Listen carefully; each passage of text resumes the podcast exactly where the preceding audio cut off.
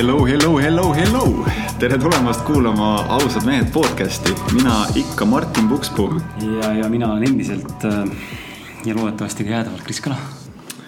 ja meil on rõõm, et olete siin meiega kuulamas meid taaskord ja. täna on meil, Martin, mitmes episood on meil täna? täna on meil episood kuuskümmend viis. väike, väike sihuke pool, poolkava juubel. Lähenemas ajale. pen-, pensionile võiks minna juba, et aitab küll aga ega minu poolt pikka sissejuhatust ei ole, kas sa tahad midagi öelda enne kui? kohustuslikus korras, jutumärkides kohustuslikus korras äh, ütlen välja, et me oleme sõlminud ja löönud käed siis äh, Delfi taskuga. kes veel ei tea, mis on Delfi tasku, siis Delfi tasku on Delfi alamrubriik, kus siis on koondatud kokku erinevad podcast'id üle Eesti. mis on siis nii-öelda kollektiivse Eesti, Eesti kuulajaskonna mõttes ja arvamusel siis head ja, ja toovad inimestele palju väärtust. nii et nüüd me oleme seotud ka Delfiga, et meid saate kuulata edaspidi ka Delfist, SoundCloudist, iTunesist, Spotify'st, Castbox'ist, Google, Google podcast idest ja äkki oli kuskil ma praegu peast ei mäleta. nii et see on meie võib-olla selline, selline sihuke poolnaljaga kohustuslik uudis, samal ajal hea uudis ka meile, sest me oleme näinud, kuidas Delfi tegelikult toonud meile ju jubedalt palju uusi kuulajaid viimast paari nädalaga, et ulmeline kasv, et et, et enne kui, enne kui saate läheme edasi, siis võib-olla nagu perspektiividele teile ka kuulajad luua, me oleme siin Martiniga pidevalt rääkinud enda, enda arendamisest ja, ja edukusest ja järjepidevusest ja sihikindlusest ja töökusest, siis. kui meie esimesed kümme tuhat kuulamist sai täis üheksa kuuga umbes, siis täna täitub meil kümme tuhat kuulamist kolme nädalaga. Et massiivne hüpe on nagu selles toimunud, et meis endas, kui kuulata esimest podcast'i ja tänast podcast'i, meil on ise meeletu areng olnud ja, ja podcast'i enda ka numbrilises nii-öelda andmetes on toimunud meeletu hüpe, nii et. pidev töö iseendaga, pidev sihikindlus, järjekindlus, järjepidevus enda unistuste nimel on see, mis toob tulemusi ja. ja, ja siit ka suured aitäh südamest minu poolt ja Martini poolt teile kuulajad, et meid kuulate, sest et ilma teieta ei oleks me täna siin. Ja nüüd, Martin, sa võid rääkida palju õnne, mehed. palju õnne, ausad mehed. tuult tiibadesse teile sellega. nagu, nagu juba kuulsite, et uus, uus hääl meil siin külas, et täna on meil siis külas äh, Igor. Igor on äh, kahe lapse isa, sündinud Moskvas ja üles kasvanud Eestis lavapoisist Eesti edukaima ettevõtte logistikajuhiks sai ta kõigest kolme aastaga pärast oma seitsmeaastast karjääri Eesti kaitseväe ohvitserina ja viieaastast karjääri tippjuhina logistika valdkonnas on asunud täiesti uuele teekonnale niinimetatud vaimse guruna. peale logistikakarjääri võttis ta mõneaastase pausi ning sukeldus lapsevanema rolli. kuus aastat tegeles oma vaimse arengu ning laste kasvatamisega. üheksa kuud sellest elas ta oma kahe tütrega ühel džunglisaarel Taimaal oma karjäärist eemal viibitud aja jooksul kirjutas Igor kaks raamatut ja tegi üle kahesaja lühifilmi. renoveeris kaks maja ja ühe korteri, rändas läbi üle kahekümne riigi neljal kontinendil õpp- ja õppis prantsuse keelt. viimased neli aastat oma elust on Igor pühendanud oma aega tantra ja mõistuse juhtimise õpingutele. ta on kohtunud erinevate nõidade, šamaanide ja vaimsete õpetajatega nii Eestis, Venemaal kui ka Ühendriikides oma avastustest ja rännakutest on Igor kirjutanud raamatu Aeg on ärgata. oma õpetustes jagab ta erinevaid tehnikaid, kuidas muuta oma reaalsust, kuidas jälgida ja korrigeerida oma ajutööd, kuidas saada kontakti oma südamega ja kuulata keha. Igor rõhutab, et on tänaseks loobunud palgatööst ja propageerib elustiili, mis toetab oma elude leidmist ja sellel püsimist tema suurimaks kireks on inimeste aitamine, et nad näeksid enda käitumise peegeldust ning oskaksid iseseisvalt leida väljapääsu oma keerulistest olukordadest. kuidas kõlas, kas Teie kodune töö on tehtud hästi, see on võib-olla natukene ähm, aegunud info mm, -hmm. aeg on vahepeal edasi läinud ja palju on juhtunud, aga kodune töö on tehtud hästi, pean teid kiitma et endalgi huvitav kuulata. ei leidnud väga selline, ma otsisin läbi erinevate allikate ja see on see, et ma kokku panin siukse kolme-nelja erineva siuksest allikast, et äh, seda uut infot vist tõesti ei ole väga, see ei ole väga palju vist äh, viimasel ajal aktiivselt pole osa võtnud ka kuskilt niimoodi artiklite, blogidena või, või mingite meediakajastustena? ma olen äh, pigem suunanud rohkem välja äh, riigist, nagu minu peamine infokanal on inglisekeelne mm -hmm. ja, ja minu kuulajad on siis ja, ja vaatajad on siis üle, igal pool üle maailma laiali ja, ja siis nüüd ka tegelen nagu Venemaa turuga mm. -hmm. et minu sünnilinn Moskva, äh, kus ma nüüd siis äh, aastaid hiljem olen nagu ringiga tagasi, võtab mind, äh, tervitab selliste soojade kallistustega ja inimesed nagu suu ammuli lihtsalt ammutavad seda seda värsket infot, mis siit meie Eesti poolt puhub ja, ja nad on hästi tervitavad ja, ja rõõmsad. et ka seal on tekkimas juba väga tugev selline kogukond. Korra sihuke saateväline küsimus sulle või noh, saateväline ma vaatasin sul, sa mängisid kätega siin sissejuhatuse ajal, et äh, täiesti aus küsimus, kas sa ka närveerid praegu? mul on selline mõnus ärevus sees ja ma olen õppinud seda ärevust nautima. sest et äh, me tavaliselt kardame seda ärevust puhtalt sellepärast, et ta kõige rohkem sarnaneb hirmule. ta on nagu hirmuenergia, tekib selline ärevus, väike paanika äh,. nagu mõtlemine läheb lukku. Aga tänu laval esinemisele, ma olen hästi palju olnud viimasel ajal, viimastel aastatel laval. olen ma õppinud äh, seda tunnet nautima, ma nimetan seda lavalaksuks see on selline laks, mis on äh, segatud adrenaliinist Äh, hirmust ja siis kogu sellest tähelepanust, mis tuleb äh, vaatajate poolt. ja kui sa selle kõik kokku paned ja suudad selle enda kehas integreerida, siis see on väga võimas tunne ja, ja tegelikult ma usun, et paljud äh, artistid on sellest lausa sõltuvuses. väga lahe, ma just Martin hakkas siin enne, kui salvestama panime, hakkas just rääkima, ei lubanud tal rääkida, et ta räägiks seda siin, jagaks siin podcast'is seda, sest et äh, see on see aus info, mida me tahame saada. mida teie tegelikult loodetavasti tahate ka, et äh, Martin, äh, mis sa hakkasid rääkima enne? Ma hakkasin rääkima jah seda, et mul on see esinemis või nagu tähelepanu keskpunktis olemise sihuke ärevus on üks suurimaid nagu hirme olnud terve elu ja ma ei ole osanud sellega mitte kuidagi teadlikult tööd teha, et ma olen alati üritanud seda vältida, põgenenud selle eest, mul on hästi häbi olnud alati. sest et äh, kui võib-olla paljudel inimestel nad tunnevad seda sees, aga see ei paista välja, siis minu puhul oli just see, et äh, ma ei suuda naeratada, mul läheb nägu krampi, ma lähen üleni krampi, eks ju, ja see nagu paistab äh, selgelt välja. ja mul oli alati niivõrd häbi selle ees.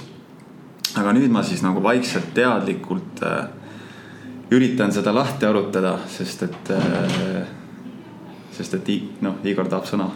ei, ma ta, ma ta andsin sulle märku, et ma soovin äh, sulle vastata, anda natukene nõu mm. -hmm. mulle üks äh, Venemaal üks tütarlaps andis sellise kerge ähm, nõuande, mida ma olen kasutanud ja see on aidanud. et kui sa oled saalis rahva ees, kujuta ette, et need on puud. et sa oled metsas, et need on kõik puud sinu ees. et need ei olegi isegi inimesed mitte selline kerge visualisatsioon aitab sul, sest tegelikult vot oma esimeses raamatus ma kirjutasin sellest, et äh, me elame tegelikult unenäos.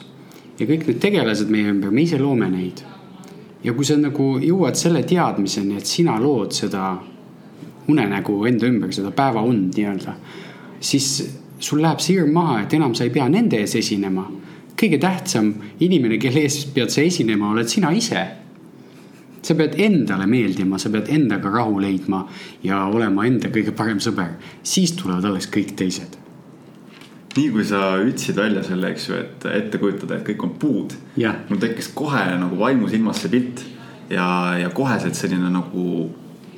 Ma kujutasin väga hästi ennast ette sinna situatsiooni, kus ma olen inimeste ees, mul on see ärevus ja nii kui tuli see nagu visioon, kuidas seal on puud, tekkis sihuke, sihuke rahu ja vaikus nagu. et äh, oh, väga-väga äge, väga. mängi sellega. väga hea idee, millega mängida jah, mida nagu integreerida. mingi sihuke visioon, Martin, tekkis sulle natuke teistsugune. männi mõõda. me vaatame siin Männi metsapilti arvutist mul endal mentor ütles selle puude kohta, ütlen nii palju ka enda poolt, mul enda mentor ütles väga hästi kunagi mulle, kui rääkis ka mingitel, ma ei mäleta, mis teemal rääkisime, aga.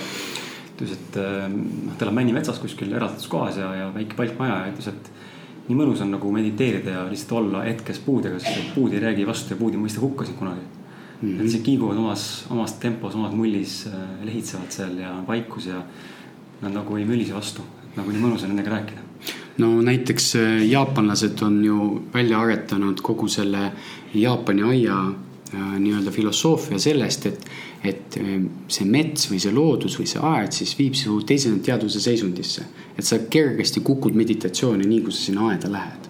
et mida me tegelikult kõik jahime erinevates kultuurides, on see, kuidas saavutada teine, teisenenud teaduse seisund mm. -hmm. ja jaapanlased on suutnud isegi oma tagaaia muuta selliseks tööriistaks mediteerimise jaoks. huvitav jah. nii et mets on tõesti hea koht meditatsiooniks võib-olla peaksid, Martin, hakkama praktiseerima, sõidad kuskile sinna Tallinnast välja Pärnu poole ja metsa, siis vähid puid ja siis.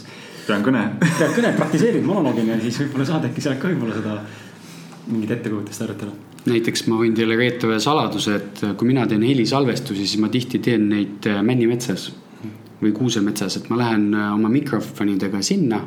eriti talvel, siis on nagu lumi ka veel vaig-, vaig-, vaigistab maha, seal ei ole kunagi kaja, seal on mõnusalt vaikne ja seal on tõesti hea koht heli salvestamiseks. äkki see on, äkki see on mõte, millega me peaksime Martiniga siin ausalt meestes mängima, et äkki tegema järgmised mõned saated proovima teha reaalselt metsas. Sest me oleme proovinud teha aias kuskil, kus ma Kesk-Eestis elan, aga seal ikkagi on palju sellist noh, tuul, kohin, vahepeal linnud laulavad, kuskil naaber ütleb, karjub tere onju et aga metsas võib-olla tõesti oleks äh, keset loodust nagu tegelikult on ju ainult läpakat vaja ja mikrofon püsti ja tegelikult piisab. kui te kusagil veel metsa leiate, siis muidugi hea idee, aitäh sulle mm, -hmm. seda tasub proovida. okei okay,, aga Lähme. siis äh, klassikalise küsimuse juurde, Igor. Äh, jah.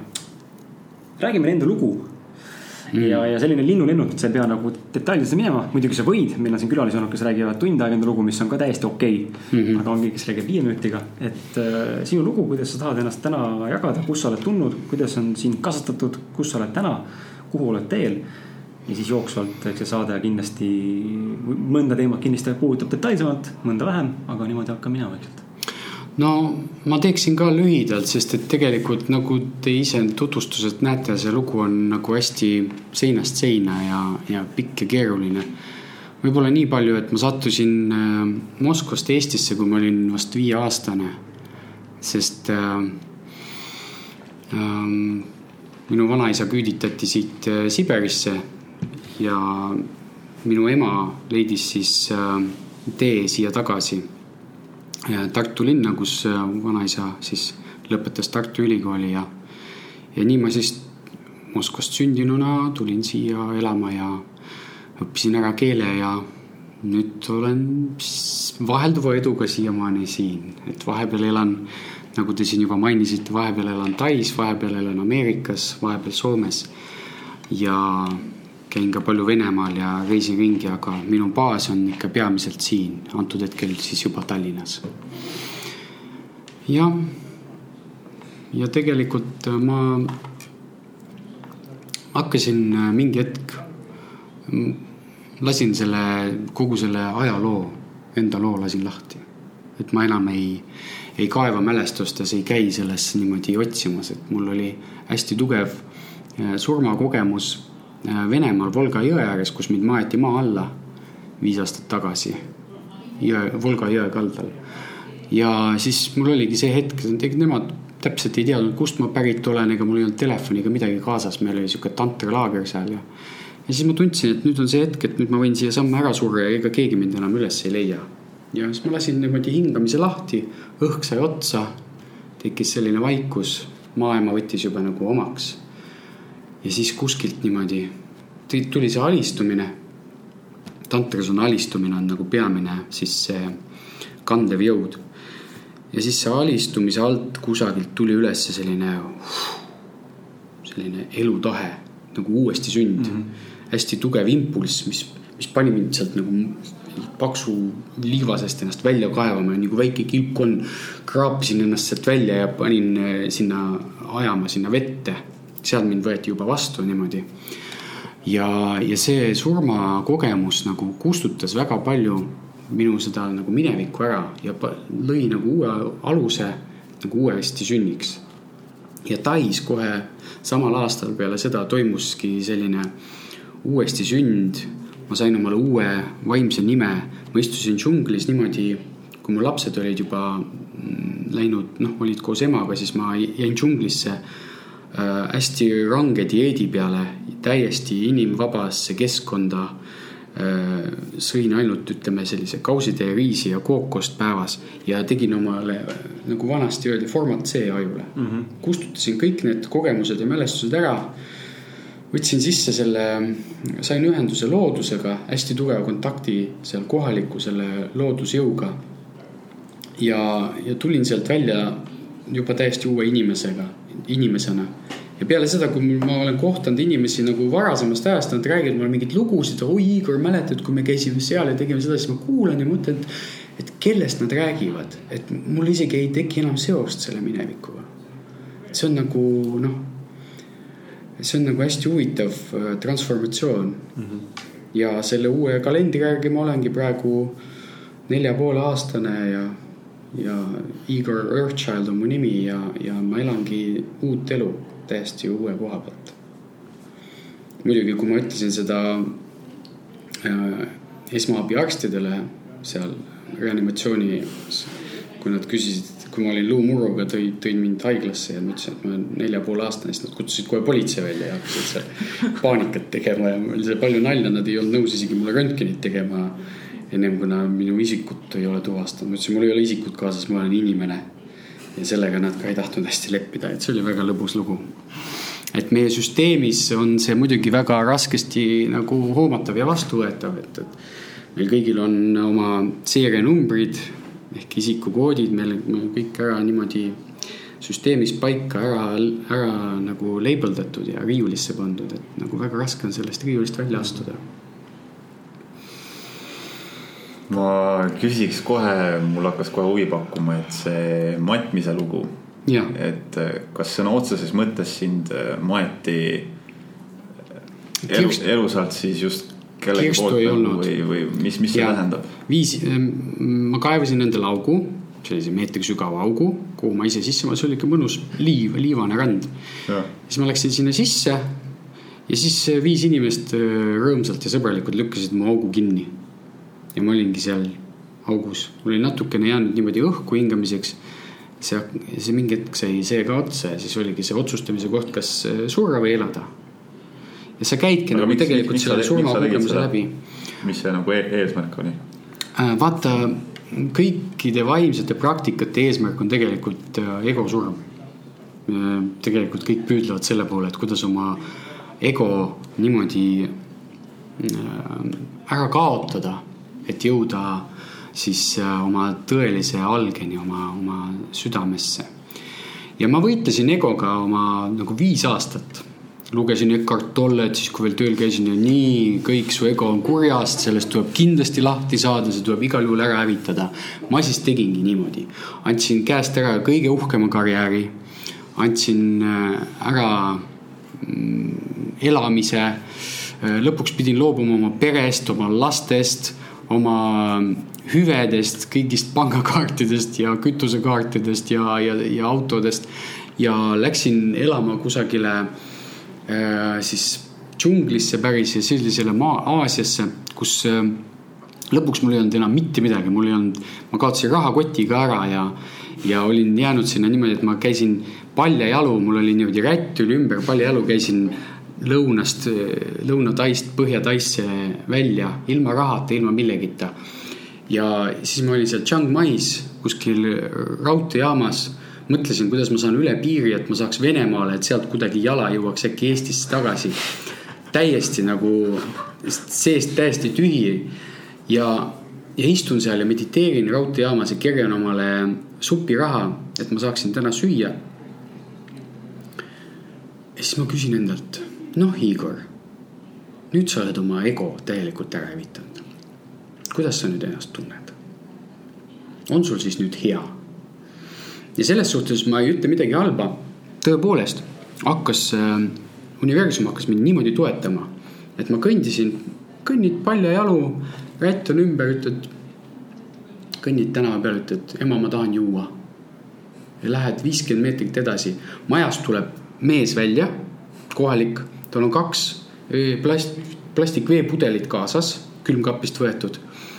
tuleb minu juurde, ma istun äärekivi peale maha siis ta annab mulle kaks pudelit, et ma saaksin juua. ma kõnnin edasi, ütlen nüüd ma tahan süüa. ja järgmise nurga peal ma näen küpsisepakk seisab niimoodi pingi ääre peal, lahti võtmata.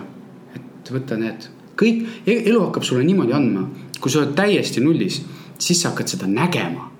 meie siin, meil on lihtsalt teistsugused unistused, me mõtleme, et kurat, et selle Mersuga ei viitsi enam sõita, et tahaks Teslaga sõita, on ju. siis need asjad ei juhtu niimoodi kohe üleöö.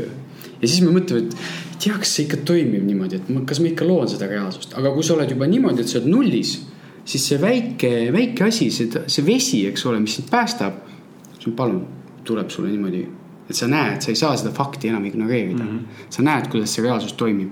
ma kõnnin hotelli sisse. Seal ma ei kohta ühtegi inimest, teen esimese ukse lahti, seal on tuba, voodi on eh, tehtud, eks ole. kellegi asju ei ole, ma panen oma asjad Lähen magama, magan ära, hommikul panen ennast kokku, lähen välja, mitte kedagi ei kohta. ühtegi inimest. ja niimoodi ma mängisin selle reaalsusega, see on nagu reaalsuse ääremail juba niimoodi hästi-hästi nagu noh, ütleme, see on äärmuslik. Ja lõpuks ma väsisin sellest ära, ma ütlesin, vaatan ennast peeglisse, ütlen, et Igor, kas see ongi siis see tore egovaba elu, mida sul Eckart Tolle nagu reklaamis välja, et maru hästi läheb kõik, onju ja siis ma nagu otsu-, võtsin vastu otsuse, et, et aitab. et ma rohkem ei mängi seda mängu. ja mul ei olnud raha kotti, mul ei olnud raha. aga peale seda, kui ma selle otsuse vastu võtsin, samal õhtul ma lendasin juba lennukiga Chiang Mai'st Bangkoki. Et sealt edasi minna mm, Euroopasse. Euroopasse ma kohe ei pääsenud, seal tuli veel palju seiklusi, sellest ma kirjutasin blogis pika loo, kuidas ma eh, ilma viisata Taimaal elasin illegaalselt ja, ja kuidas ma sealt lõpuks siis põgenesin ja välja sain, et see on ka päris põnev. ja kellelegi ma seda ei soovita, et ma olen sihuke äärmuslik mees, et ma teen sellised asjad läbi, mida tavainimene, kuhu tavainimene ei, ei satu ja siis pärast ma võin lihtsalt jagada seda kogemust ja siis inimene saab mõelda, kas ma tahan sinna minna või ma lepin sellega, et mul on siin natukene nagu sihuke lahja töökoht, aga vähemalt ma hommikuti mediteerin ja õhtuti käin tantsimas mm. -hmm mis on ka juba väga hea. Ja kui inimesed tulevad minu juurde ja ütlevad, tead, ma mõtlesin, et ma peaks ka töö maha jätma ja kõik kõrvale heitma ja minema kusagile metsa elama. siis ma ütlen, tead mees, mõtle natukene ennem kui sa seda teed, oota. oled sa ikka päris kindel et see, see paneb ikka väga proovile. Vau, mul on nagu, ma juba tunnen, kuidas tekib selline flow ja sihuke flow, et küsimusteni jõuda. ja see, kus sa tuled, on nagu nii, niivõrd sügav, ma juba tunnen. ja ma samal ajal märkan, kuidas minu mõistus tahab nagu minna tagasi detailidesse, tahaks kõike täpselt teada, et kes sind ikka mattis sinna ja mis eesmärgil ja, ja kuidas, kuidas sa selle lennukiga siis said, kui sul raha ei olnud, onju. aga siis ma saan aru, et see on nagu, see ei ole see point praegu, et see on minu ego, mis tahab kõike detailideni teada, et pigem see see sõnum on oluline, mis kogu, kogu su jutust tegelikult välja tuleb. ja neid detaile on palju ja meil nii palju aega võib-olla ei ole, aga mõistus püüab, vaata, mis mõistus teeb, ta üritab äh, igat imet ratsionaliseerida ta püüab panna, aa, ah see käib hoopis nii, eks ole, ta üritab seda devalveerida läbi ratsionaliseerimise, et leida sellele mingisugune loogiline, loogiline selgitus, eks ole. kui sa elad sellist äh, elu äh, kus sa lased nagu nendest standarditest ja mustritest lahti, siis hakkavad sinu elus juhtuma imed. ja sul ei ole vaja muud teha, kui tervitada neid sellise lapseliku uudishimu, uudishimuga. ja, ja need imed tulevad sinu, sinu ellu iga päev. iga päev sa, sa kohtad selliseid asju, et sa mõtled, vau. Hmm. ma tunnen, et sa oled äh, täielikult vabastanud kontrolli et sa ei nii-öelda, sa ei kont-, sa ei ürita enam kontrollida oma elu, vaid sa täielikult nii-öelda oled kooskõlas või koostöös eluga. nojah, see on hästi oluline äh, etapp, ma näen seda oma inimeste, oma klientide pealt. eks ma ikka pean kontrollima, sest et ma tulen siia reaalsusesse tagasi ja see oli ka otsus, et ma sealt džunglist üldse välja tulin sest ma sain aru, et ma leidsin paradiisi ja, ja mul oli tunne, aga miks ma peaksin veel tagasi minema ühiskonda, kui seal on nagu nii palju kannatusi. ja siis see oli minu teadlik otsus, et ma pean seda paradiisi nagu teistele näitama, ma pean seda sõnumit edasi kandma, et see on, et see on võimalik. ja ma usun, et see on ka osaliselt nagu minu missioon.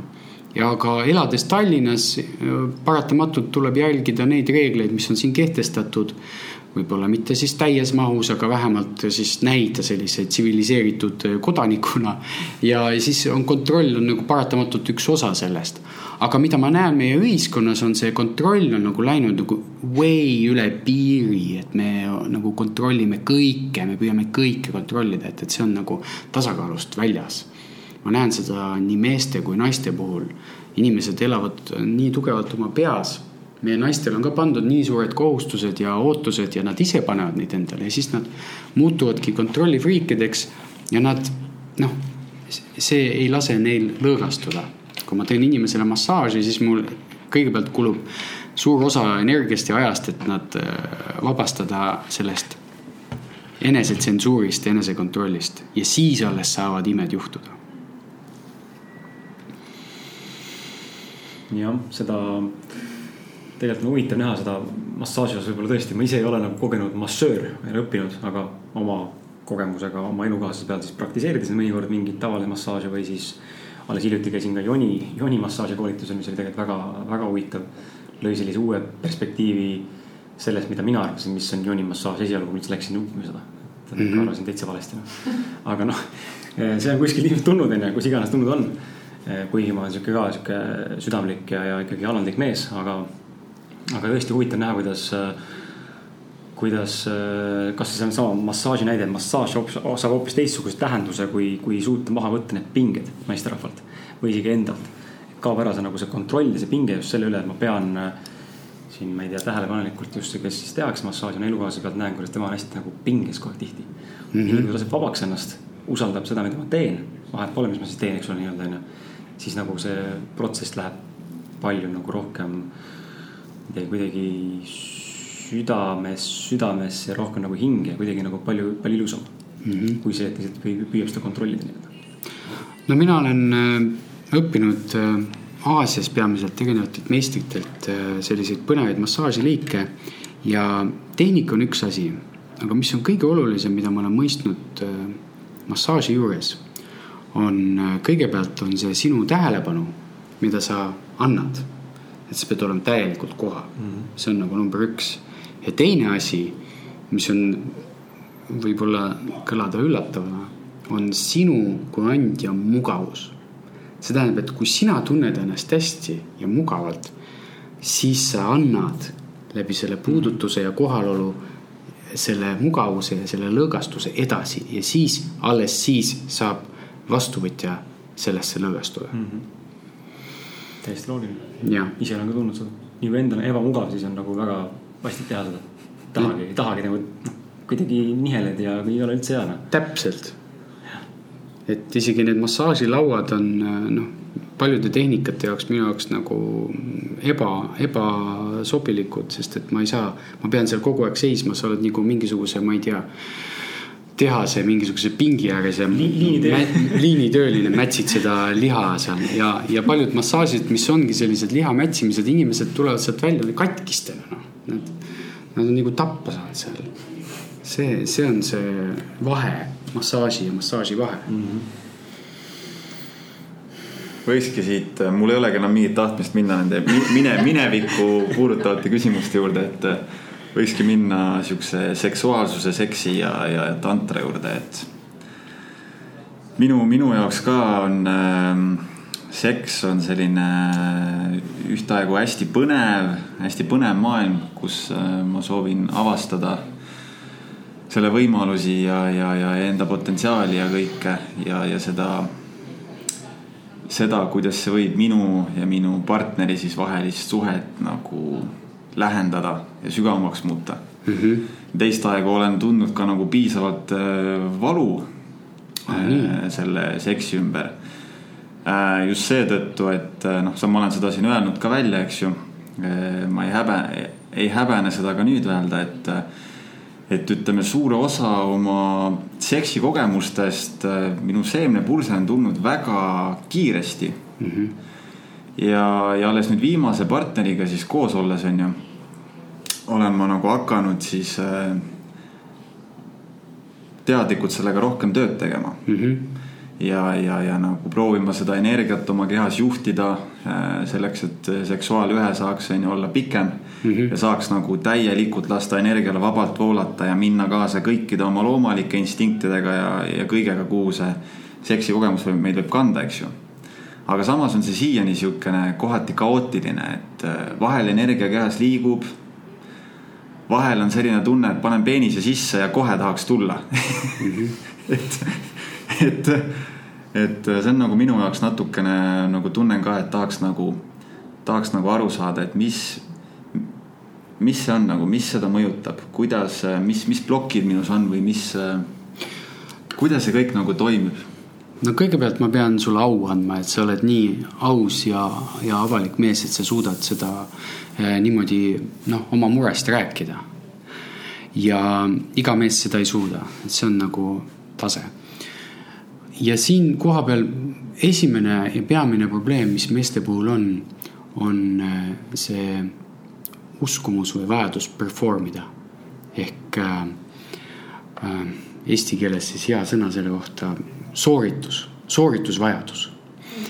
ja meil on nagu õpetatud, noh, keegi ei olegi õpetanud, et me oleme näinud, et sa pead panema täiega, täiega. kaks pan. tundi raudama igas positsioonis. sa pead, sul peab kogu aeg kõva. hommikul ärgates, õhtul magama minnes, sul peab olema kogu aeg kõva. pakub valmis olema. Noh, et kui naine tahab, sina pead kohe olema valmis, sest sina pead perform ima. sa oled nagu ader on ju, kui hobune vahepeal väsib ära, siis ader ikka seisab ja ootab, millal saaks põldu edasi külla. on ju ja, ja see tekitabki juba sinust selle stressi, et isegi kui sa võib-olla nagu noh. no ei ole kasvõi selleks valmis või ei jaksa või mis iganes. Sul on mingisugused nagu, sul on vaja ka aega ja, ja kõike, me unustame selle ära, et tegelikult mehed on sama, võivad olla sama tundlikud kui naised. ja naistel on tegelikult väga suured ootused meestele. nii on, et me väga tihti räägime sellest, kuidas mehed Mm, esitavad oma ootusi ja nõudmisi naistele, aga, aga kui sa jälgid, siis naised teevad täpselt sedasama. ja see on esimene pinge, mis sa endale peale paned ja oma kehale. Et nii, nüüd tuleb panna. nii et maa on must, see tatt on mage. vot ja, ja kui sa selle nagu lased lahti, sest et mida tantra nagu õpetab tanter õpetab paljusid asju, mitte ainult äh, seksiga seotud asju, aga mis puudutab äh, seksi, siis äh, see peab, tantristlik seks on alistumine. see on see, et sa ei püüa kuhugi enam jõuda. Sa ei püüa kellelegi midagi tõestada. sa ei, ei püüa avaldada muljet või panna äh, naist orgasmima, vaid sa, sa alistud sellesse hetke, sa tuled täielikult kohale ja siis saab sellest seksist saab meditatsioon. kui te saate seda teha koos, te hoiate hoopis tähelepanu teineteisega hingamisel. Te lähete mitte sellesse nagu rütmi nagu pornofilmides. see on, siin ei ole midagi naljakat, meie noored kõik õpivad praegu seksi kohta peamiselt pornofilmides. absoluutselt. nii, aga mida seal õpetatakse?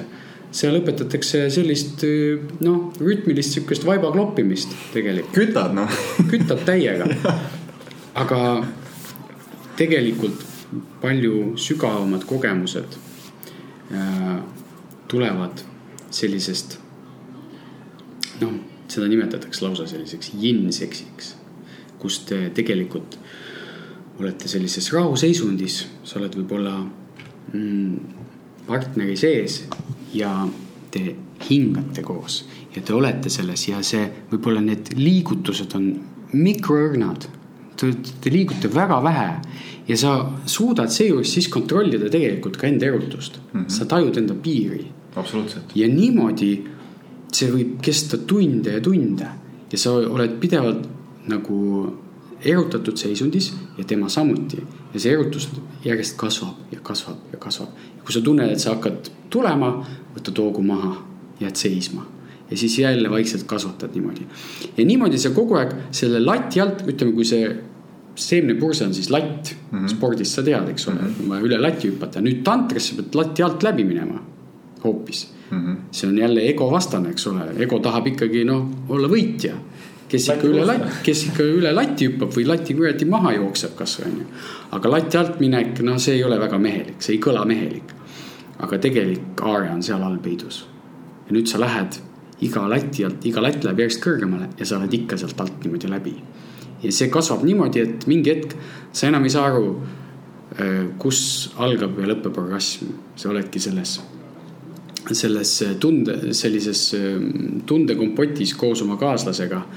ja kui sa sinna lisad veel sellist nagu rütmilist hingamist, sügavat hingamist ja, ja siis äh, tood sinna sisse teistsugused puudutused ja, ja kõik ja seesama kohalolu, siis see, see maagia kestab, kestab tunde ja, ja need rännakud viivad teid kehast välja, kehast sisse, sa või sa võid näha erinevaid jumalikke olendeid oma paarilises, seal toimub nagu nii palju nii palju uut, mida pornofilm sulle lihtsalt ei paku. huvitav on, huvitav kuulata seda sellepärast, et äh, minu seksikogemus äh, on saanud alguse siis, kui ma olin kakskümmend kaks alles, ma olen selline hiline, hiline süütuse kaotaja meesterahvana. Pole kunagi seda nii-öelda tahtnud teha mingite võõraste inimestega, vaid siis alati enda õige partneriga ja seda pole tulnud enne, enne tänast, tänaseks on kuus kuud, kuus kuud. kuus aastat koos olnud, meil on tütar ka väike et aga, aga huvitav ongi näha seda olnud, et äh, minu kogemus ei olnud nagu väga suur, eks ole, ma ei ole seal ilmselt saanud mingeid positsioone proovida ega erinevaid partnereid proovida. aga ühtaegu, mis ma ka seal joonikoolitusel tähele panin ja, ja mõeldes ka enda seksikogemuse peale, siis ma näin, et intuitiivselt me tegelikult teame päris palju, äh, kuidas tegelikult õigesti seda asja teha. kui me nüüd ei saaks ja kui me nüüd ei saaks seda rõvedat äh, pornotööstuslikku sihukest nagu rautamist, siis võib-olla intuitiivselt me jõuaksime kõik hoopis selle tantrini nagu lihtsamalt välja. sest minu, mida ma just üks päev siin Martiniga rääkisin, miks ma seda üldse mainin praegu, on see, et mida olen ka varem kogenud, aga teadvustasin endale alles hiljuti, oli see, et aeglane seks, nagu sa mainisid ka, et on see tundmus on suurem, mõnu, efekt, erutus on, kestab kauem, me saame seda kontrollida lati alt minekut. aga see on ka hästi palju intensiivsem ja selle võrra ka mingil määral nagu justkui nagu raskem Mm -hmm. aga inimesed tahavadki, et äh, võib-olla kohati, et asi oleks raske ja kuna see rautamine teeb ju justkui nagu tuimsust mm. -hmm. sul ei ole seda mõnuefekti nii palju, sest lõpuks ei tunnegi enam midagi. ja siis ma tundsingi nagu teadlikkusega, et miks ma peakski tahtma üldse teha midagi kiiresti, kui, kui aeglaste liigutustega on see mõnu, nauding palju intensiivsem, palju kontrollitum. ja palju sügavam. palju sügavam. on ju? huvitav, miks inimesed siis seda nagu väldivad, no inimesed, no inimesed kasutavad seksi harjumuspäraselt nagu pinge mm -hmm. languseks või pinge vabastamiseks.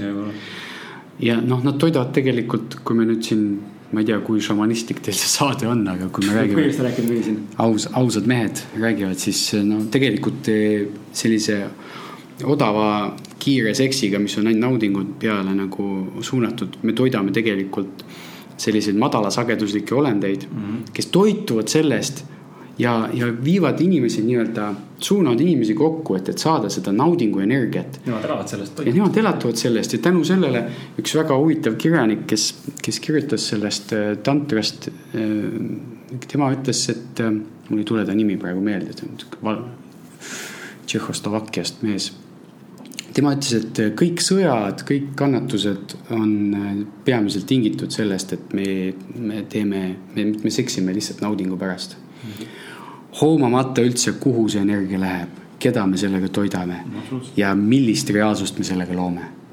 ehk et äh, minu jaoks äh, kõige tähtsam mm, nii-öelda eeldus seksi jaoks on ikkagi armastus. Et selle, seal taga peab olema armastus, tõelised tunded. see, selle, selle paarilise enda vastu, ka enda vastu armastus on ülioluline. ja loomulikult tuleb alati kasuks ennem sellist seksuaalakti teha ka pühitsus ja, ja suunata see energia, esitada taotlus. meie äh, olenditena omame õigust ja jõudu otsustada, kuhu me oma energiat suudame, suuname.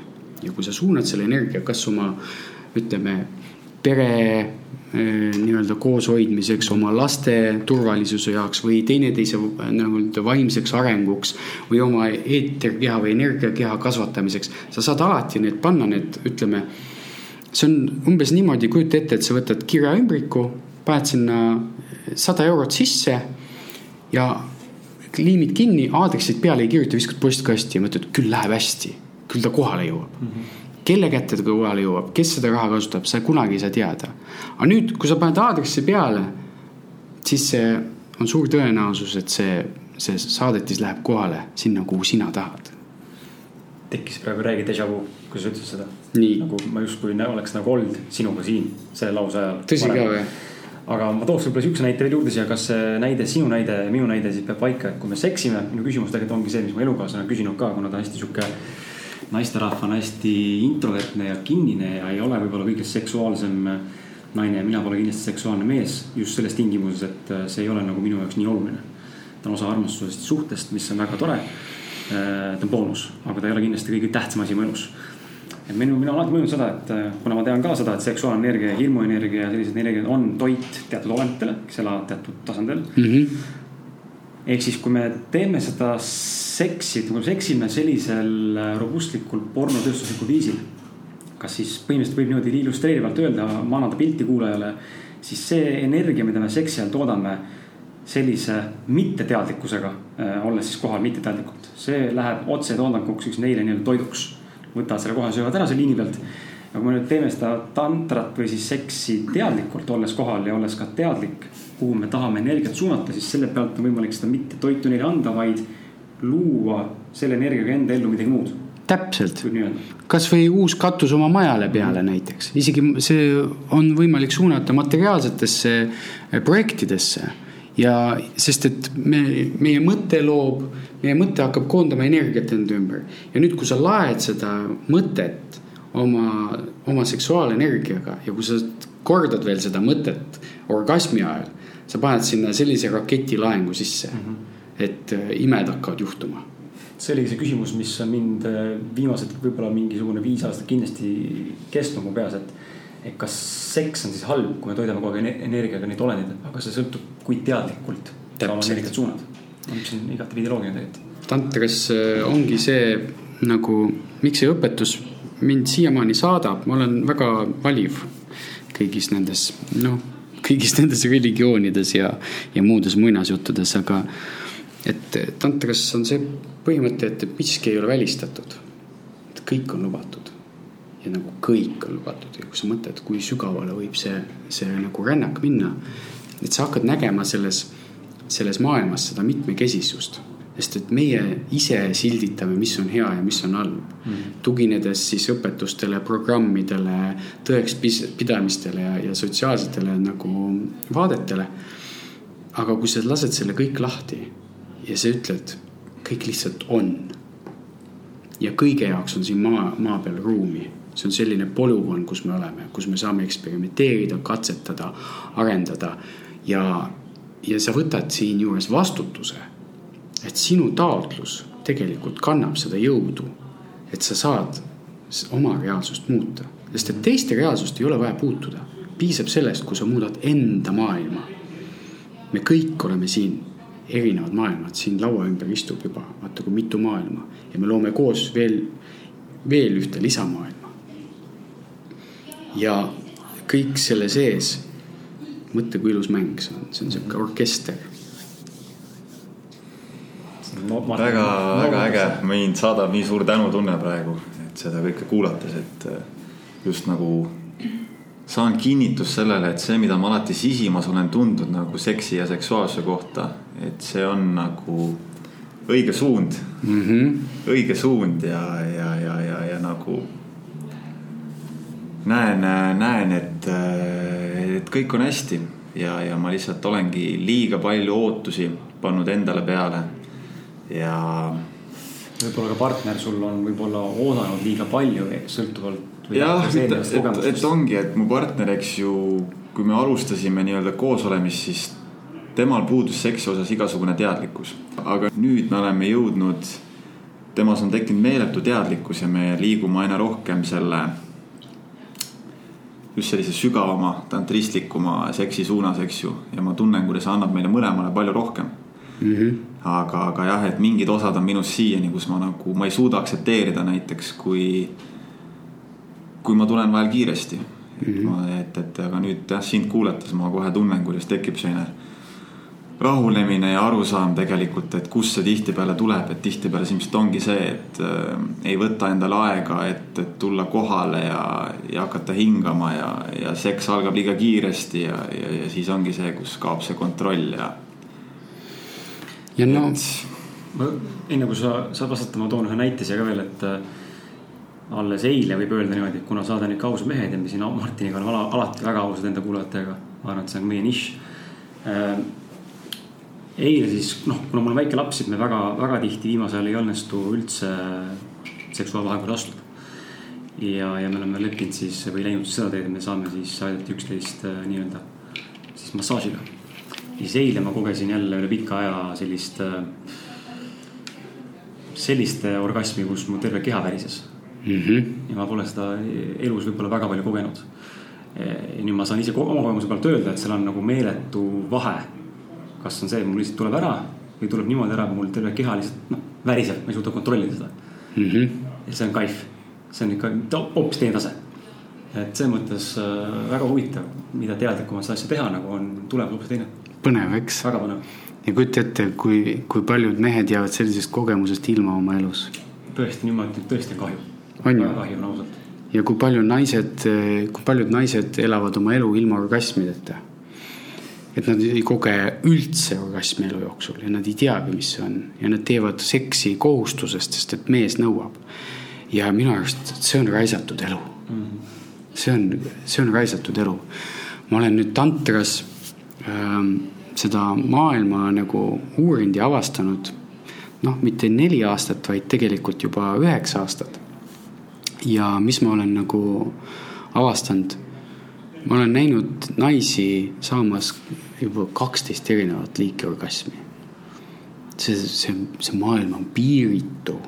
seal on nii palju variatsioone, nii palju erinevaid võimalusi ja nii palju sügavust. ja seda on just hea praktiseerida, kui sul ongi oma kindel partner ja sa temaga lähed ja lähed järjest sügavamale, järjest suurem teineteise usaldus. ja, ja tema avab sind ja sina avad teda. ja neid kihte tuleb seal ei ole, sellel kaevul ei ole põhja.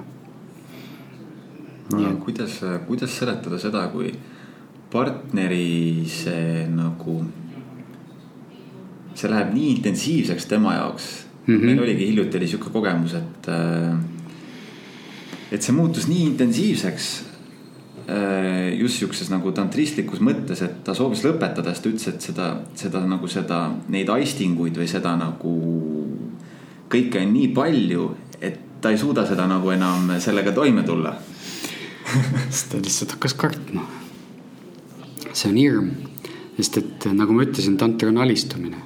sa pead alistuma kõigile, sa pead alistuma naudingutele, sa pead alistuma hirmudele. ja me ei olegi kohe selleks valmis.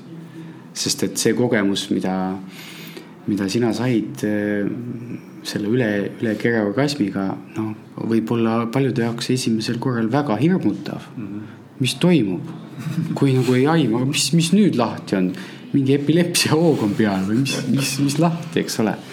et äh, loomulikult see, sellepärast ongi usaldus hästi oluline, et sa oled tema jaoks kohal mm. -hmm. ja kui tema läheb paanikasse või, või hirmu või läheb emotsiooni, siis sinu asi on lihtsalt olla kohal pakun sulle teise visualisatsiooni välja, nagu me tegime enne metsaga, et kujuta ette, iga kord, kui su naine lööb tormi, sina oled majakas.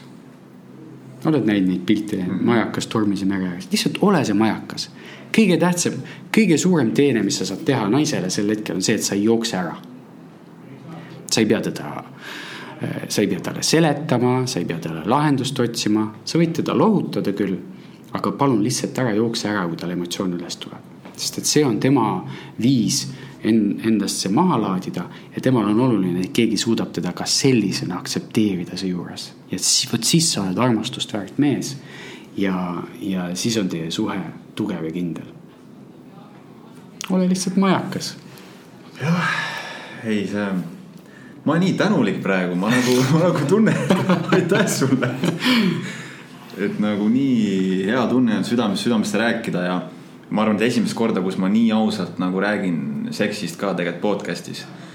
ja, ja, ja lihtsalt saada seda kinnitust, et kõik liigub õiges suunas. Nagu, rahu et kõik on hästi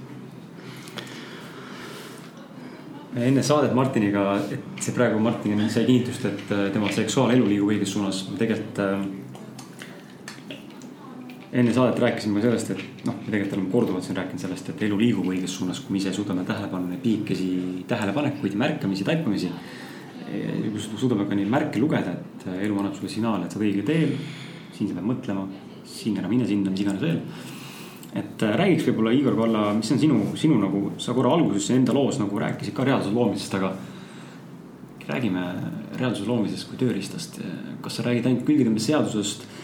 Äh, kas sa räägid millestki muust, kas on mingisugune muu tähendus, mille sa oled andnud sellele samale sõnapaarile või sellele, sellele seadusele või, või olemusele, energiale? Äh, või üldse, mis on sinu jaoks nagu külgetõmbeseadus, sest mina täna näiteks tunnen, et olles, kui ma alustasin kümme aastat tagasi raamatust The Secret mm. -hmm. see kõige klassika, noh, mainstream teos nii-öelda. siis kõik oli vahva, tore, toimis. ja oma teise raamatu kirjutamise hetkel ma tundsin, et külgetõmbeseadus on puudulik. Jah. ja, ja mina jõudsin sellise järelduse, et ta on puudulik sellepärast, et ta ei nad väga palju, enamik õpetustest tegelikult ei pane inimest füüsiliselt tegutsema. see minu nagu järeldus mm. -hmm. me räägime väga palju unistamisest, visualiseerimisest äh, ja kõigest sellest muust. aga reaalselt käed rüppes istudes mul miljonit täna nii-öelda näitena ei tule, ma pean selleks ikkagi tegema meeletut tööd, see nõuab distsipliini, enesearendust, järjepidevust. Sihikindlust, kõike muud, mis tänapäeva maailmas on, see oskus, oskused, mis viivad sind võib-olla eesmärgi, eesmärkideni. aga, aga kuna sa nõustusid siin, siis äh, oskad sa nagu öelda kogu selle, mis, mis on, kuidas üldse reaalselt luua, mis on reaalselt looma, mis on, mis on külgetõmbe seadus, mis ta on puudulik sinu meelest? see on hästi põnev teema, ma olen nõus selle koha pealt sinuga, et äh, see Secret'i film äh, jätab mingid asjad ikkagi saladuseks. ja ma vaatasin selle ka kunagi ära ja ma hakkasin siis seda saladuse filmi praktikaid kasutama ja poole aastaga kõik need unistused, mis ma üles kirjutasin, mida ma tahtsin saada, olid mul käes. siis mõtlesin okei okay,, see töötab, aga nüüd, mis edasi saab? ja siis ma sain aru sellisest asjast, tegelikult ma ei oska unistada. kõik minu unistused olid ostetud unistused.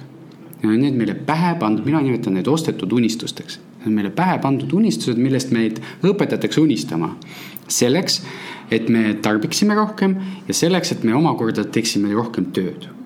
eks ole sihuke surnud ring nii-öelda mingil määral. nojah, sa oled, sa oled selles äh, tarbijalõksus ehk et, et sind pannakse, sulle müüakse need unistused maha ja siis sa selle võrra teed rohkem tööd mm. -hmm. sest et eesmärk on sind tööle saada. nüüd ja siis ma sain aru, et ma ei oskagi tegelikult unistada, ma ei tea, mida mina tahan mingi hetk ma täitisin, täitsin siis oma naise unistusi elasin tema elu ja tegin teda õnnelikuks. aga ma sain aru, et ma ei saa teda ka õnnelikuks teha, kui tema ei tee iseennast õnnelikuks. ja mina ei saa sellest ammugi õnnelik olla. Nii et see oli jälle tupikseis, et ma tükk aega maadlesin selle küsimusega, et oota, mida siis mina nagu tahan? Mis on see, millest mina unistan? Ja tead, mis tuleb välja, inimesed ei oska unistada ja ma õppisin ja otsisin erinevaid praktikaid, kuidas õppida ja hiljem juba ka õpetada inimesi unistama. mul esimeses raamatus on palju juttu sellest, kuidas, kuidas unistamist kasutada tööriistana. et esimene tööriist reaalsuse loomisel on unistamine. ja, ja seal on oluline loomulikult ka see, et vaata seesama, ma panin tähele, et kuidas vot see teatud asjade puhul see töötab kohe aga teatud asjade puhul ei tööta, jookse kasvõi kuradi pea vastu seina veriseks on ju, ei tule. ja tegelikult ongi, seal ongi see vahe, et ostetud unistused ei tööta. sa võid neid ostetud unistusi nagu taga ajada, nad tegelikult, nad jäävad kuhugi kinni, sest, sest et need ideed ei ole sul kooskõlas südamega too igaks juhuks mõni näide ka, kuulaja saaks aru, võib-olla, võib-olla kõik ei saa aru, mis on ostetud no, sinu meelest no,. näiteks mõni lihtsalt. näiteks seesama, et, et kui sa enam Mersuga ei taha sõita ja tahad Teslat mm, -hmm. siis see on ostetud unistus. sest sa arvad, et vot see ongi minu unistus ja siis on, siis ma olen õnnelik, on ju. aga see tegelikult on programmeering. see on programm ja mis, mis on see, mida me tegelikult otsime, on õnnetunne. ja kui sa hakkad vaatama, mis on tegelikult vaja selleks, et olla õnnelik, siis kui kiiresti sa tüdined ära uuest telefonist või uuest televiisorist või, või isegi sellest uuest korterist, ta ei tee sind õnnelikuks. kuigi see võis olla sinu selles top listis seal kümme aastat ja lõpuks sa said selle korteri, aga miks ta sind õnnelikuks ei tee? sest et see on jällegi ostetud unistus. võib-olla sind teeb õnnelikuks hoopis see, kui sinu laps äh, esineb äh, kooriga, ütleme seal kooli aktusel. teeb sind palju rohkem õnnelikumaks kui, kui see Tesla, millega sa sinna aktusele tulid ehk et siin on igaühe jaoks endal vaja selgust saada, mis on see, mis, mis teda liigutab, mis on see, mis tema südant põksuma paneb. ja sealt edasi on võimalik minna juba äh, praktiliste selliste äh, tööriistadega. ma olen välja töötanud päris hulga selliseid huvitavaid äh, viise, kuidas äh, materialiseerida oma ellu teatud olukordasid, inimesi või ka nagu elustiili. ja näiteks ma võin siin jagada teiega mõned enda lemmikud, kuna ma olen üsna laisk inimene, ma ei, ma ei ole selline väga range joogataja näiteks, et ma ei tee seda iga päev või, või ei mediteeri enam päevas seal tund või kaks. vahepeal ma mediteerisingi kuus tundi päevas ja kaheksa tundi päevas võisin mediteerida aga siis nüüd ma olen suutnud minna juba, et ma saan seda meditatsiooni hoida ka lihtsate tegevuste juures, näiteks nõudepesu on minu jaoks meditatsioon, duši all käimine on meditatsioon, hambapesu. seal on mul omad mantrad, seal on mul omad rituaalid ja ma kasutan seda aega iseenda jaoks mm. -hmm. mitte ma ei mõtle emailidele või, või pangalaenule, ma kasutan seda aega iseendale. ja väga kasulik praktika mida ma olen leidnud, on näiteks meil kõigil on tänapäeval taskus toredad telefonid. Ja need on äh, sellised device'id, mida on võimalik enda kasuks tööle panna. näiteks sa võid omale reminder'isse panna teatud äh, afirmatsioone või märksõnu, et kuule tuleta meelde endale näiteks äh, kord päevas hingamist või, või kümme korda päevas võid tuletada meelde hingamist. või siis tuleta endale meelde näiteks, et, et sa näed und. mul on näiteks selline kell, mis teeb sellise mm -hmm. piiksu iga täistunni ajal. ja iga kord, kui ta seda teeb, ma tuletan endale meelde, et see on uni. ja nüüd, mis juhtub? mul aju harjutab sisse selle rutiini mõelda kogu aeg, et tegemist on unega, ma kohe katsun, vaatan, kes, kes minu ümber on, kui päris see on. ja mis juhtub, kui ma nüüd selle kellaga magan, kui ma läbi une kuulen seda piiksu, tuleb seesama programm jälle üles, oota, kas see on uni? ja siis ma saan näiteks unes üles ärgata. Lucid, lucid dreaming, selge une, unenägemine mm.. Et sellised lihtsad abivahendid, siis ma teen telefonis näiteks salvestan endale afirmatsioonid. ma loen sisse sinna terve pika rea, eh, salvestan sinna pika rea omadusi enda kohta, sina vormis loen sisse, millist elu ma elan ja kui terve ma olen ja kui ja kõik need kvaliteedid.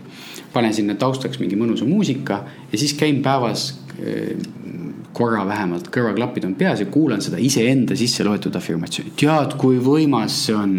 see on nii tugev, sina kui treener, sina peaksid seda, Martin, kasutama.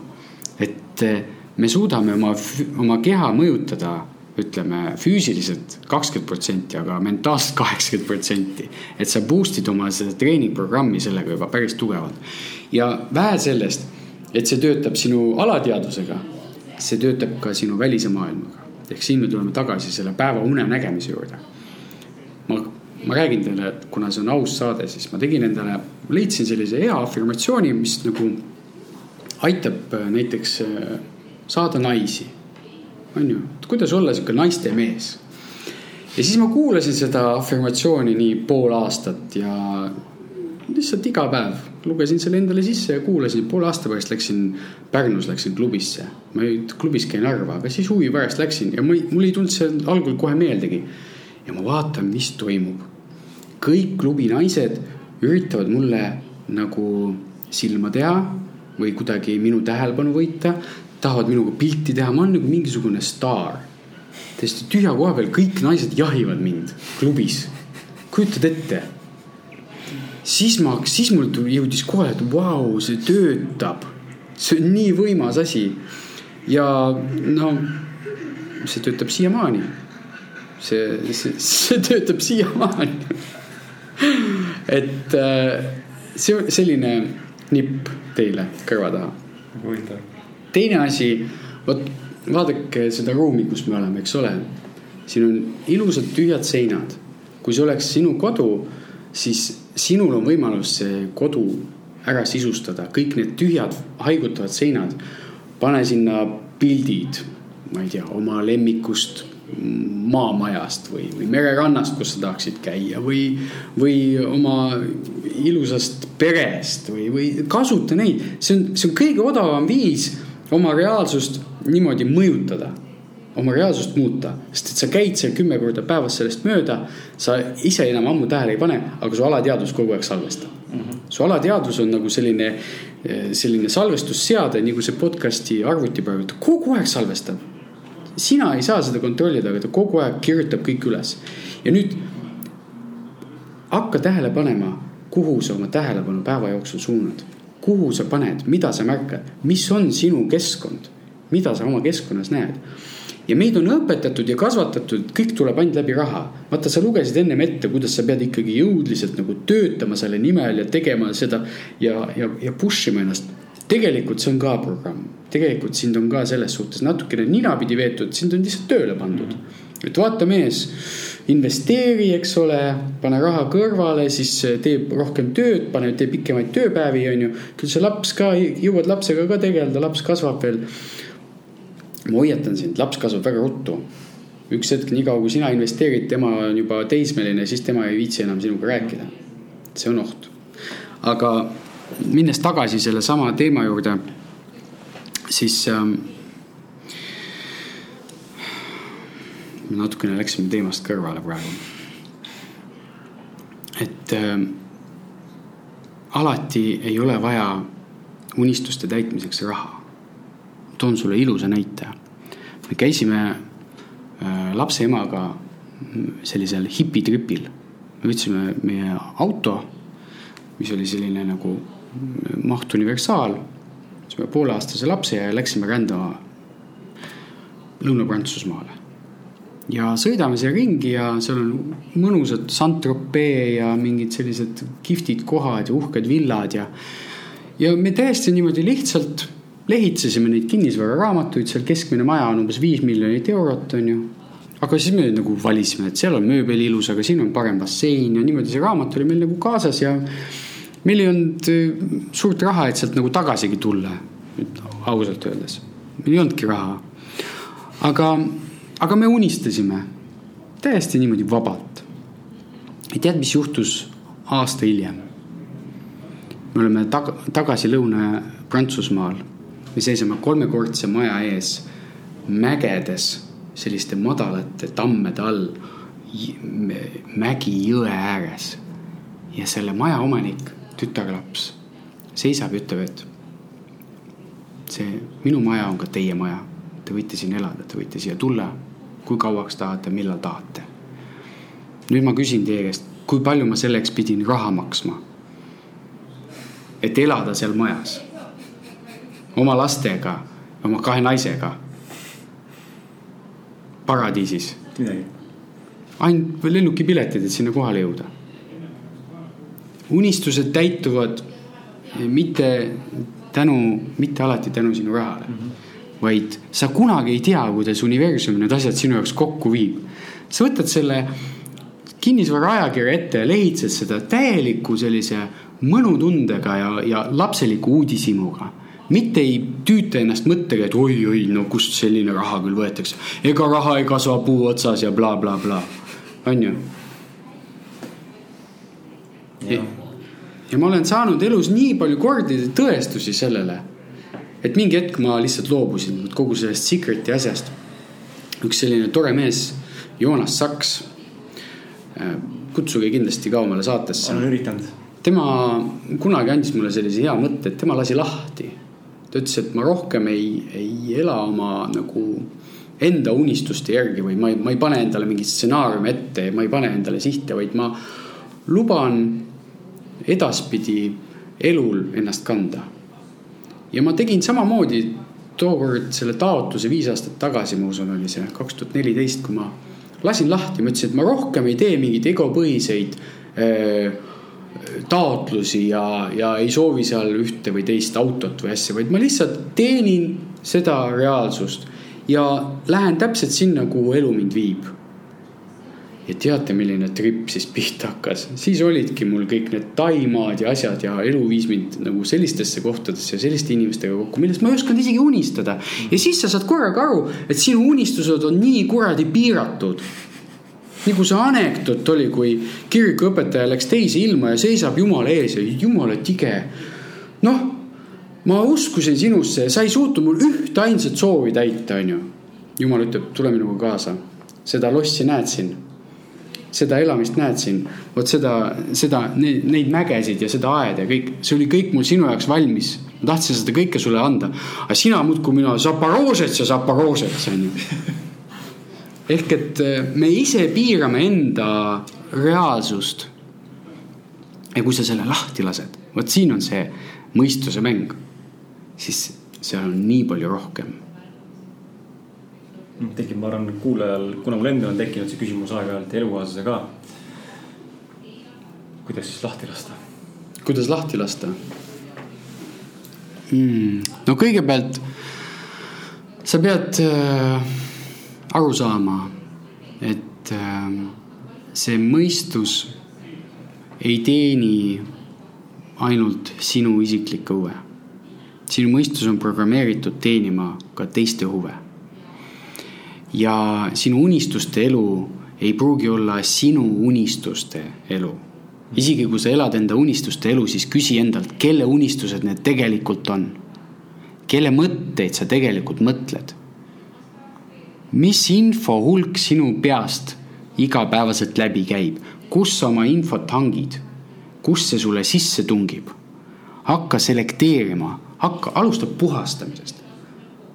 võta oma päev ette ja kirjuta üles, alates sellest hetkest hommikul, kui sa ärkad, kui palju sa annad oma tähelepanu kõigepealt oma lapsele.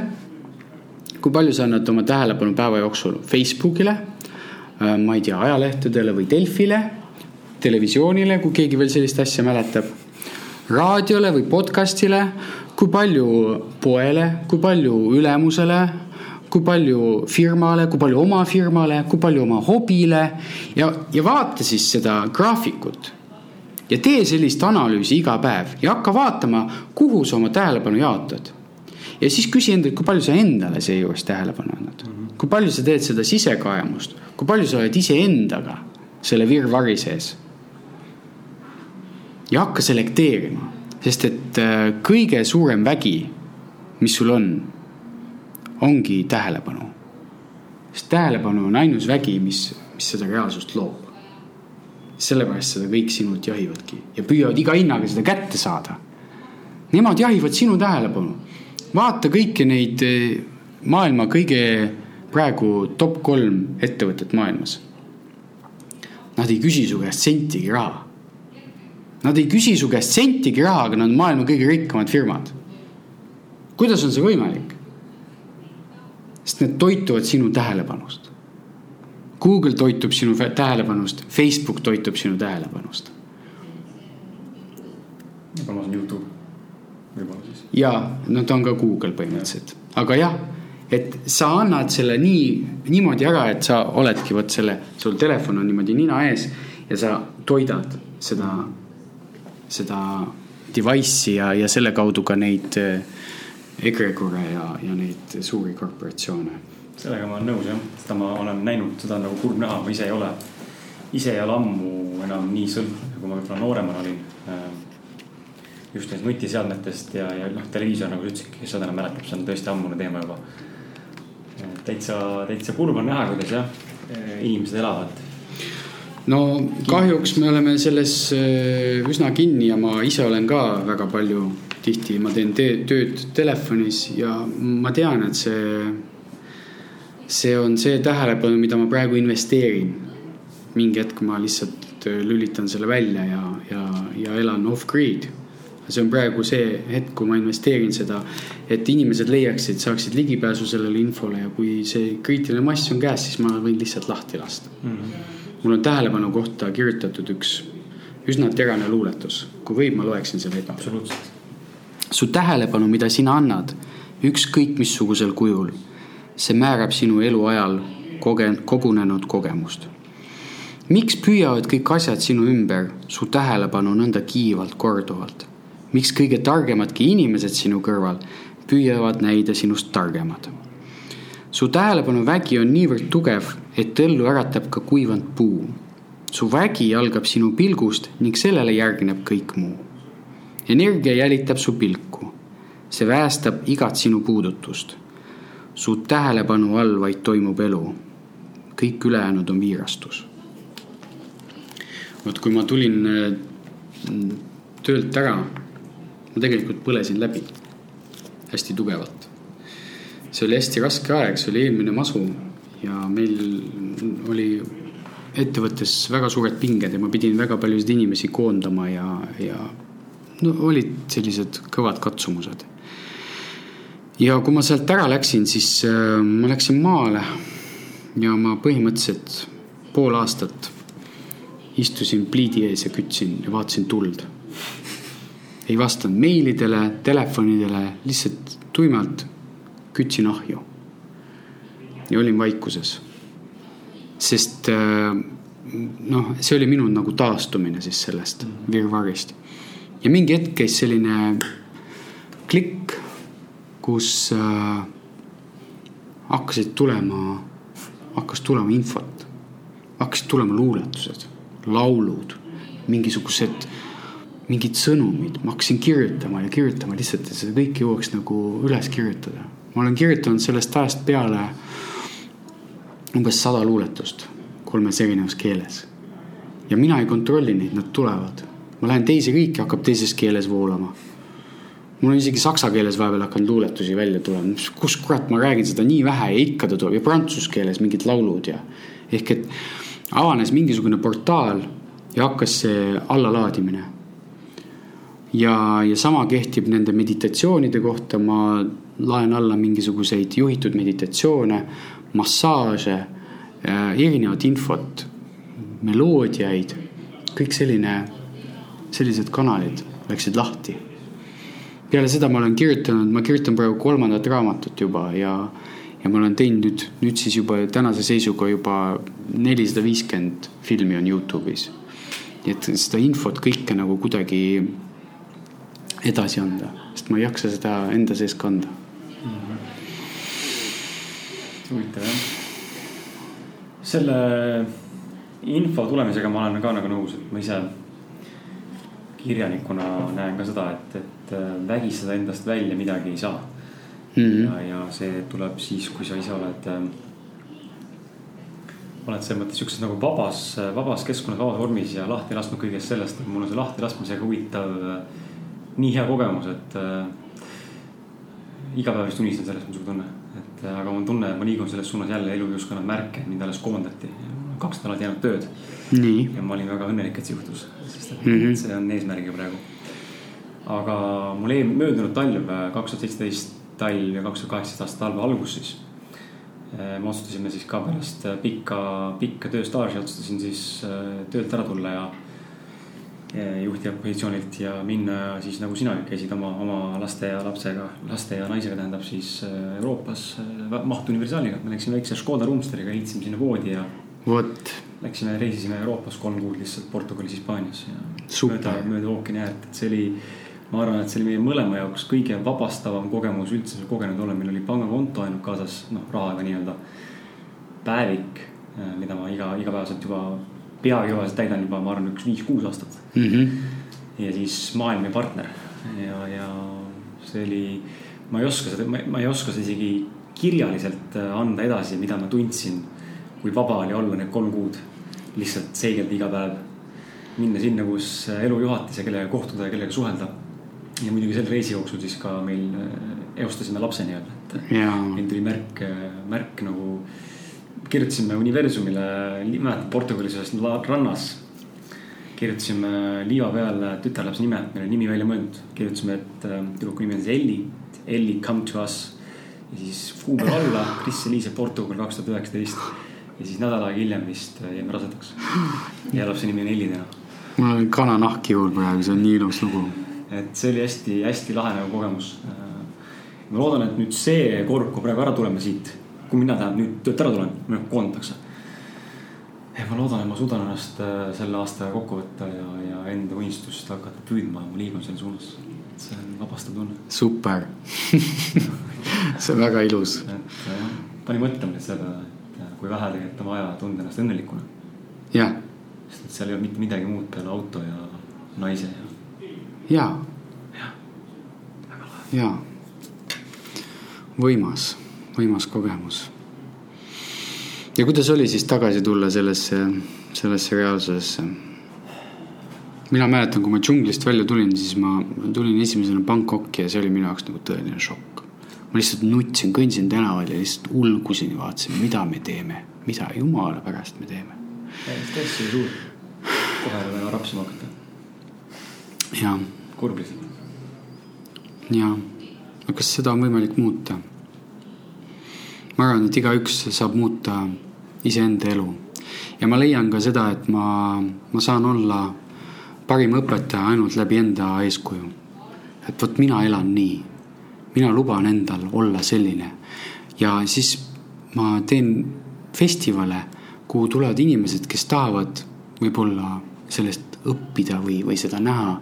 ja seal ma ausalt räägin ja näitan, kuidas ma siis elan, mida ma teen, mida ma saan inimestele pakkuda ja, ja, ja see on minu viis nagu anda ja pakkuda inimkonnale siis ainult läbi enda eeskuju, ma ei lähe kusagile konverentsile, ei hakka kõigile rääkima, kuidas nüüd peab elama hakkama või ma ei lähe poliitikutega vaidlema, vaid ma elan ise nii, nagu ma arvan, et on õige.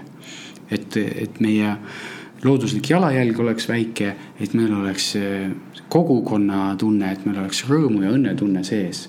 Ja me väga tugevalt tunneme seda, vot seesama tantrifestival, mida me iga aasta teeme, kuhu tulevadki inimesed üle maailma kokku, kakssada kakssada viiskümmend inimest ja kõigil korraga tekib see kogukonna ja õnne ja, ja selline joovastava armastuse tunne.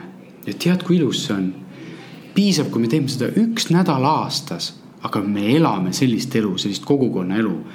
Ja pärast sa kannad seda endaga kaasas elu lõpuni.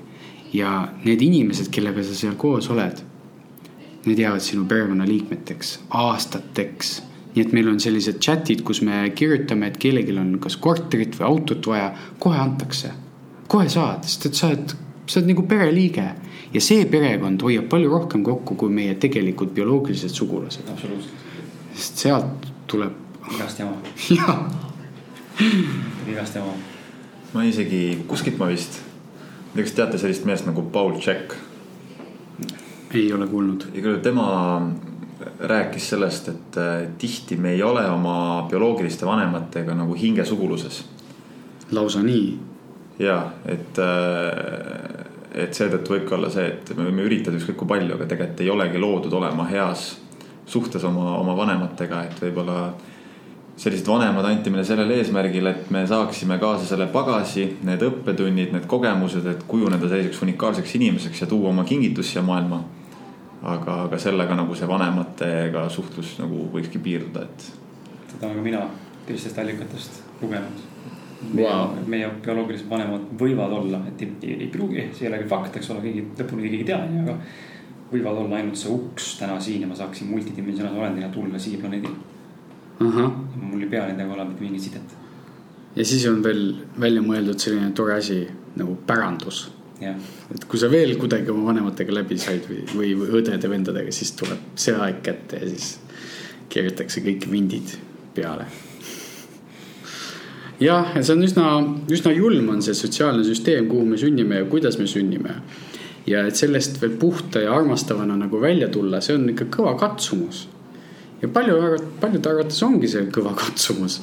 ja ma usun, et see on kindlasti väga suur õppetund meile ka sellises, ütleme, laiemas eh, mastaabis kui lihtsalt üks elu.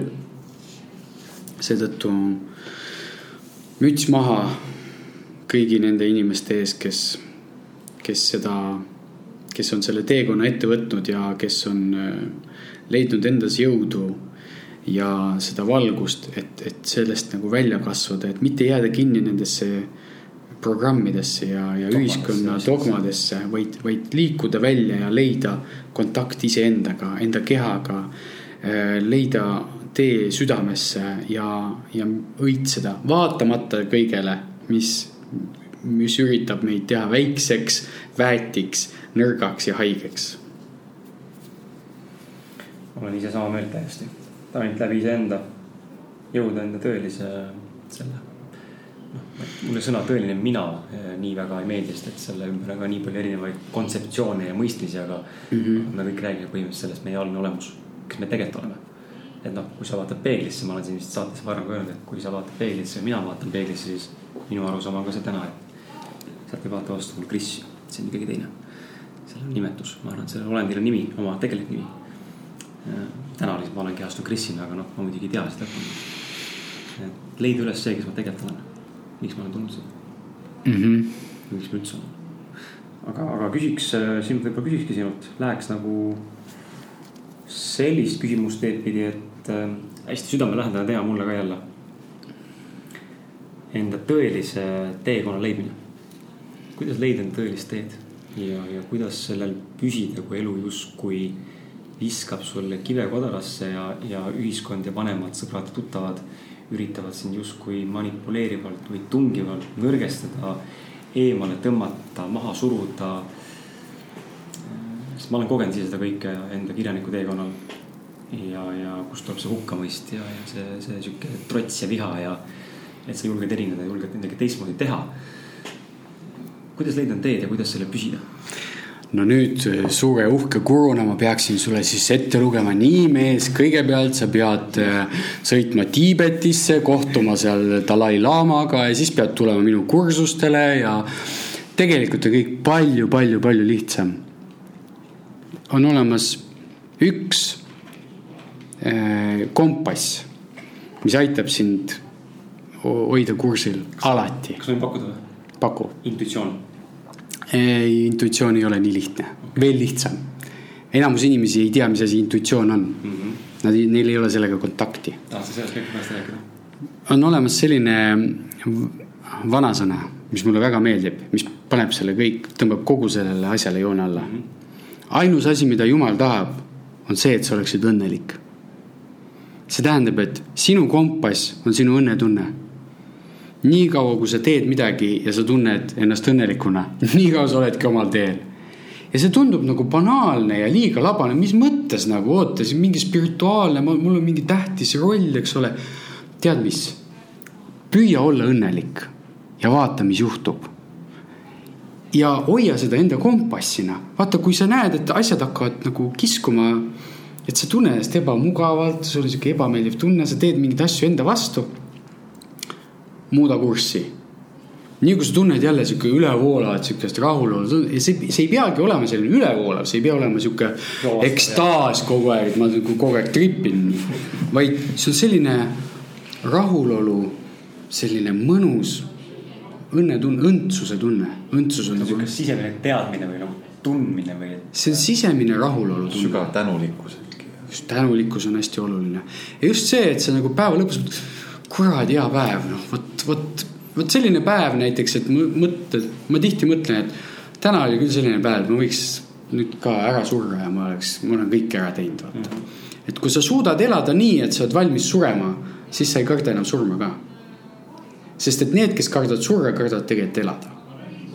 nii kui sa elad täiega, sa ei karda enam surma, sest et sa saad aru, kuule, see elu, mida ma olen siin elanud, mehed. ma võin homne päev ära surra, ma olen juba siin viis elu ühe elu jooksul ära elanud. Ei ole küsimus, saad aru, ei ole enam hirmu surma ees. ja ole lihtsalt õnnelik ja vaata, kuhu see sind viib. sest et võib arvata, et noh, kui kõik ennast õnnelikuna tunduks, ma ei tea, mis elu siin oleks, siis kõik sõidaks, ma ei tea, mis kuradi veoautodega ringi või mitte, ei ole nii. tegelikult meil on kõik, meil on kõigil omad lihtsad vajadused, me tuleme taas selle õnne otsimise juurde tagasi. see on, see ongi lihtne. Kui sa lähed loodusesse, siis sa vaatad, kui effortless. mis on hea sõna eesti keeles selle kohta, kui. pingutuseta. pingutuseta. sundimatu. kui sundimatult hein kasvab rinnuni. ta teeb seda iga jumala aasta ja ta ei pinguta selleks, selleks ei pea teda käima kündmega väetama, ta teeb seda ise mm. -hmm. looduses on kõik väga lihtne me ise teeme selle keeruliseks, me ise arvame, et meil on mingi räige missioon ja me peame sellest kõigest läbi murdma ja siis leidma selle kuldvõtme sealt puu alt üles. ja siis on vaja veel seda järgmised kakskümmend aastat on vaja lukk üles leida, kuhu see võtmekene käib see kõik on meie konstruktsioon, meie aju konstruktsioon, et me oleme tohutult tähtsad, et meil on mingisugune missioon ja seal taga on tegelikult mingi salavandenõu, kes üritab meile kogu aeg kaikaid kodrasse ajada, on ju? tegelikult on mis tegelikkus on, me ise loome seda. me ise loome neid kolle, me ise loome neid muinasjutte või neid söödetakse meile ette. aga kuulates oma südant, kuulates seda rahulolutunnet enda sees ja hoida seda kurssi, on võimalik jõuda väga kaugele. ma ütlen sulle, väga kaugele proovi kasvõi üks aasta hoida kurssi, et sa teed no matter what, sa teed neid asju, mis sind õnnelikuks teevad ja vaata, kus sa aasta pärast oled ma olen, kas ma võin sinu arvates kasutada siin sõna eneseteadlikkus? sa võid kasutada ükskõik mis sõna. oleneb, mis sa selle all mõtled. kui sa jõuad eneseteadlikkus minu jaoks ongi see, mis sa just praegu kirjeldasid, et äh, just see õnnetunne, et kui ma suudan ennast nagu analüüsivalt vaadelda eemalt. kas ma olen õnnelik, elades seda elu, täna teen yeah. või ma olen õnnetu ja, ja kas see üks, kaks, kolm, neli asi teeb mind õnnelikumaks või rahutuks või ärevaks või eufooriliseks, et siis selle järgi ma suudan ka ju eneseteadlikkuse pealt teha paremad otsused.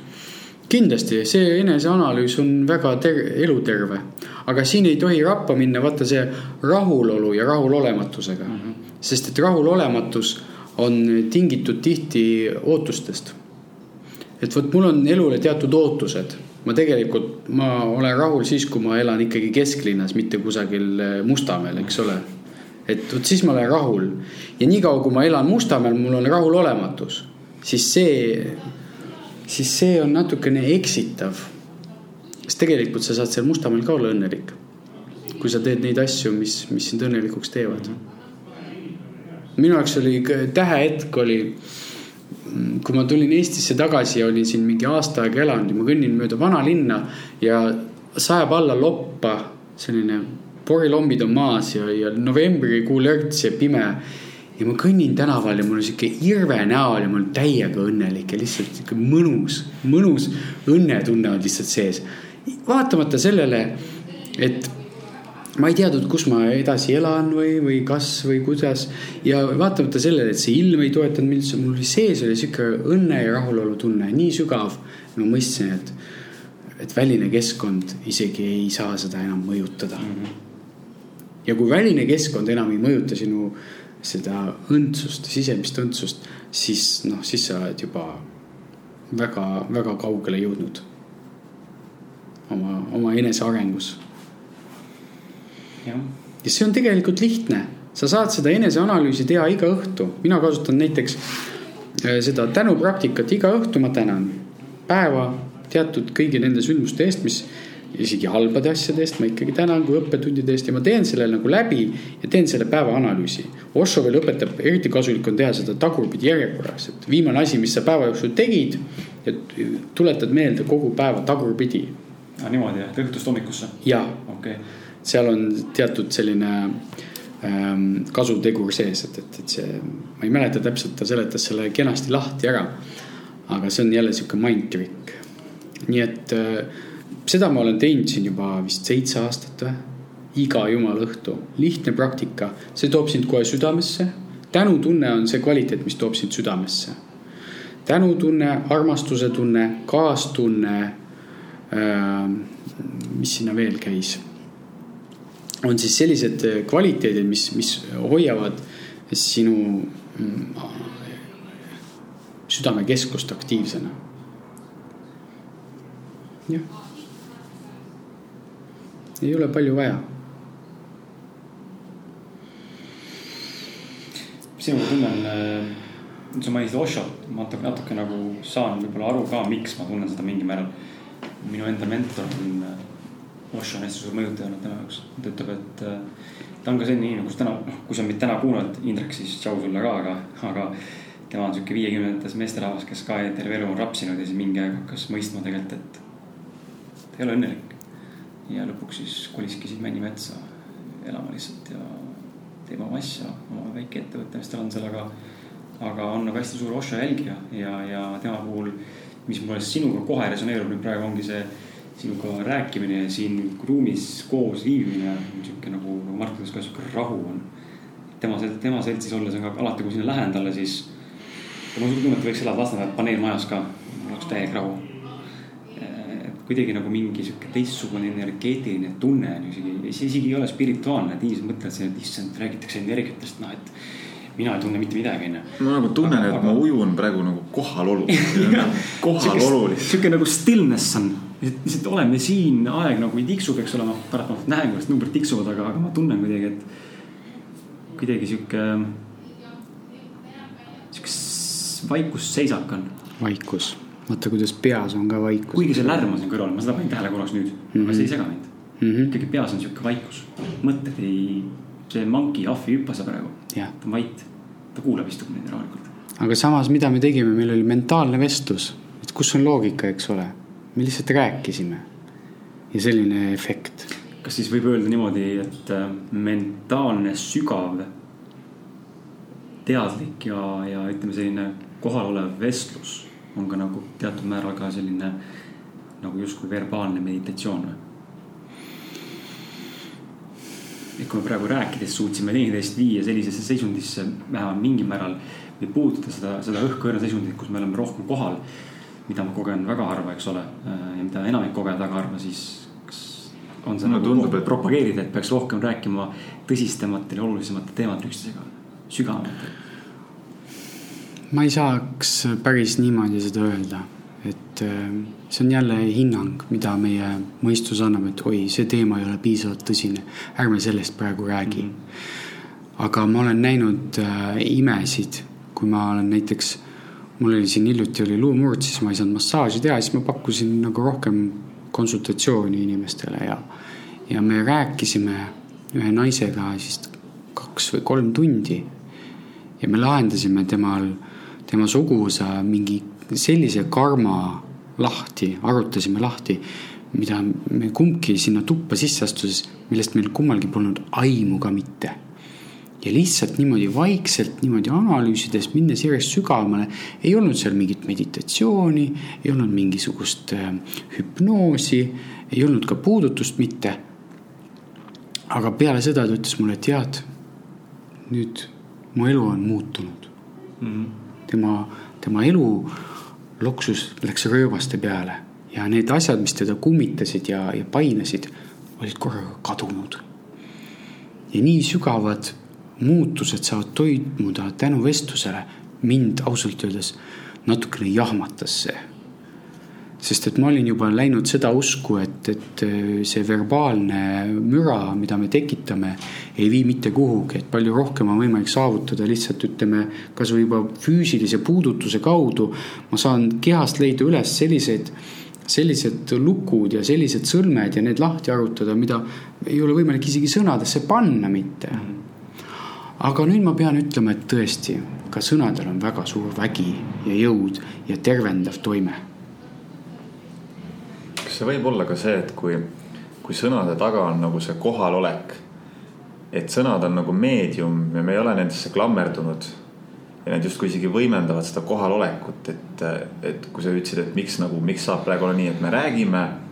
aga on justkui sihuke kohalolek on ju, et võib-olla mingis igapäevaseisundis nagu on mingid mõtted, millesse me oleme klammerdunud ja mis tõmbavad meid nagu välja siit keskmest. mingid ootused, mingid ärevused, hirmud. see võib nagu see olla täpselt, Martin, ma olen sinuga täiesti nõus. see sõna, mis sünnib kohalolus, ongi meedium, see ongi juba kanaldatud sõna ja see on puhas. nii on, ma olen sinuga nõus, ma olen isegi sellist trikki teinud, soovitan teil proovida, eriti ärevushäirete puhul. Oled kusagil pulmas või, või, või matustel noh, traditsiooniline värk, et keegi peab sõna võtma ja sa võib-olla hästi ei, ei tunnegi seda kadunukest, aga võtad siiski. ja ennem kui sa jõuad mõelda, millest rääkida, koputad kahvliga klaasile ja tõused püsti. kõik korraga vaatavad sind ja sa pead midagi ütlema ja su aju on lukus. ja siis sa hakkad, lased selle, lähed sellest läbi ja hakkavad sinust jooksma läbi mingisugused sõnad. Ja hakkab tulema, sest et see on sul ette valmistamata, sa ei tea, mis sealt tuleb. ja sa pärast kuulad ise ka ja imestad, kust see nüüd tuli. ja pärast kadunukesed tulevad ja nutavad sul õlad ja ütlevad, see oli nagu nii sügav, aitäh sulle selle, selle eest, sest et see ongi kanaldatud, kanaldatud sõnum, mis sa siis teed. ma olen seda mõned korrad proovinud ja see on hämmastavalt põnev. ja see tuleb südamest jah nii et Martin, kui sa nüüd hakkad siin, äh, millal toimus alles esimene, möödunud kaks nädalat tagasi toimus esimene ausad mehed live podcast ähm,. live selles mõttes, et me võtsime seminariruumi ja inimesed tulid kokku koha peal kuulama oh,. Wow. oli vestlus Peep Ainuga, Peep Ainu varem käinud saated meil, võtsime ta kaasa, rääkisime uuesti. aga Martin nüüd, äh, kuna me tahame pidevalt ausad mehed kontseptsiooni ka arendada ja laiendada, siis Martin otsustas, et ta siis läheb enda selle tungi enda selle probleemi lahendamisel, et teeb esimese avaliku esimese õhtu ausad mehed raames mm. -hmm. esinemisõhtut korraldab. nii et ära siis äh, mitte midagi planeeri, vaid mine spontaanselt, ma olen seal toeks ja, ja, ja saada, saada hakkama. muidugi saab. ei mingit pähe õppimist ettevalmistus null jah. jah, mõtlesingi, et loon siukse keskkonna, kus minusugused ja, ja minusugused inimesed, kellel on see ärevus, saavad praktiseerida seda teiste ees olemist turvalises keskkonnas ja harjutada seda sellest läbiminemist ja harjutada avalikku esinemist? ma pean sulle saladuskatte all ütlema, et eh, see ärevus on kõigil inimestel. Need on üliharva esinevad inimesed, kellel ei ole ärevust, võib-olla ma ei tea, millest see neil tingitud on, aga üldiselt see on täiesti loomulik. kehatüü biokeemiline reaktsioon. ja, ja nii et äh, igal juhul tore ettevõtmine ja jõudu sellega, see on põnev minul endal äh, ei ole sul rohkem küsimusi, meil on paberil küsimusi veel, aga ma näen, ma ei taha neid küsida, sest need on täiesti seostatud. jah on sul äh, midagi endal südamel, mida sa tahaksid äh, meie kuulajatele või mulle, Martinile või iseendale öelda mm, -hmm. mida me täna ei puudutanud siin, see ei ole kohustus, aga see on võimalus. kõigepealt ma tahan tänada teid, mehed, et te olete selle asja ette võtnud ja te seda veate ja et te mind siia kutsusite, mul on selle üle siiralt hea meel.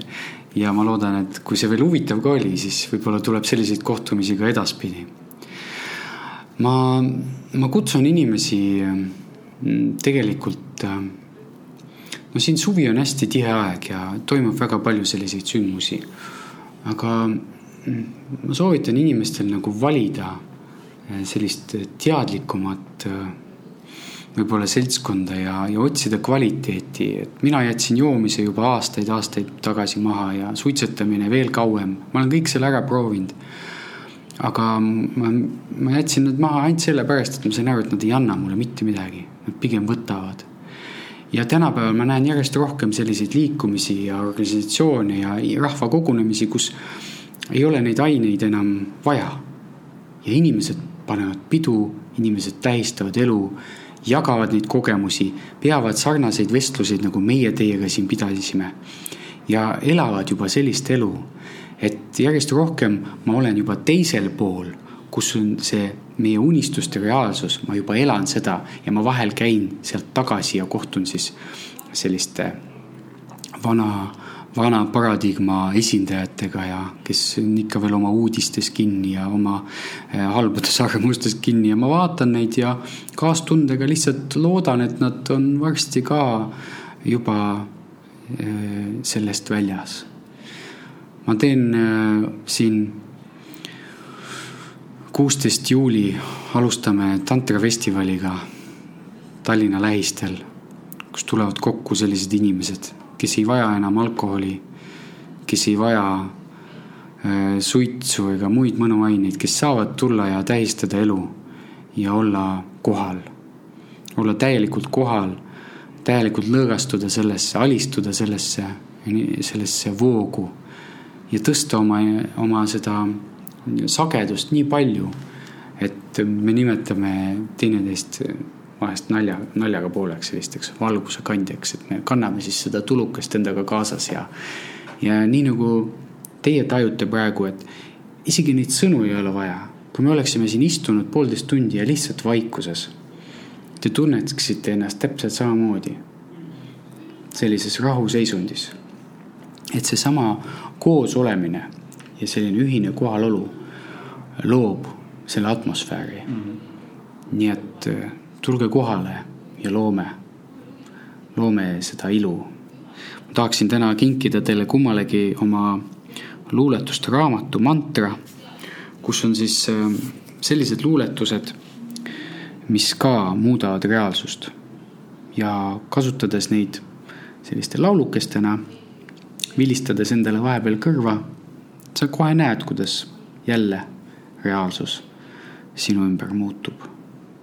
Ja sa võtad selle väe endale tagasi. seda reaalsust enda jaoks luua sellisena, mis teeb sind õnnelikuks, mis toidab sinu teadlikkust, mis hoiab sind kohalolus ja hetkes. väga lahe. aitäh. aitäh sulle. ja, ja seoses tantra festivaliga, et äh, kuna me veel päris sada protsenti telgitagustes detailideni pole jõudnud, aga väga suure tõenäosusega võib meid äh, koos sinuga, Igor, siis tegelikult juba live podcast'ina kuulata. super. et siis äh, tasub olla kursis, armsad kuulajad ja meie saate ilmumisel siis vaadake kindlasti Facebooki. et me oleme täna pannud üles sinna siis postituse ka lisainformatsiooniga tantrafestivali kohta.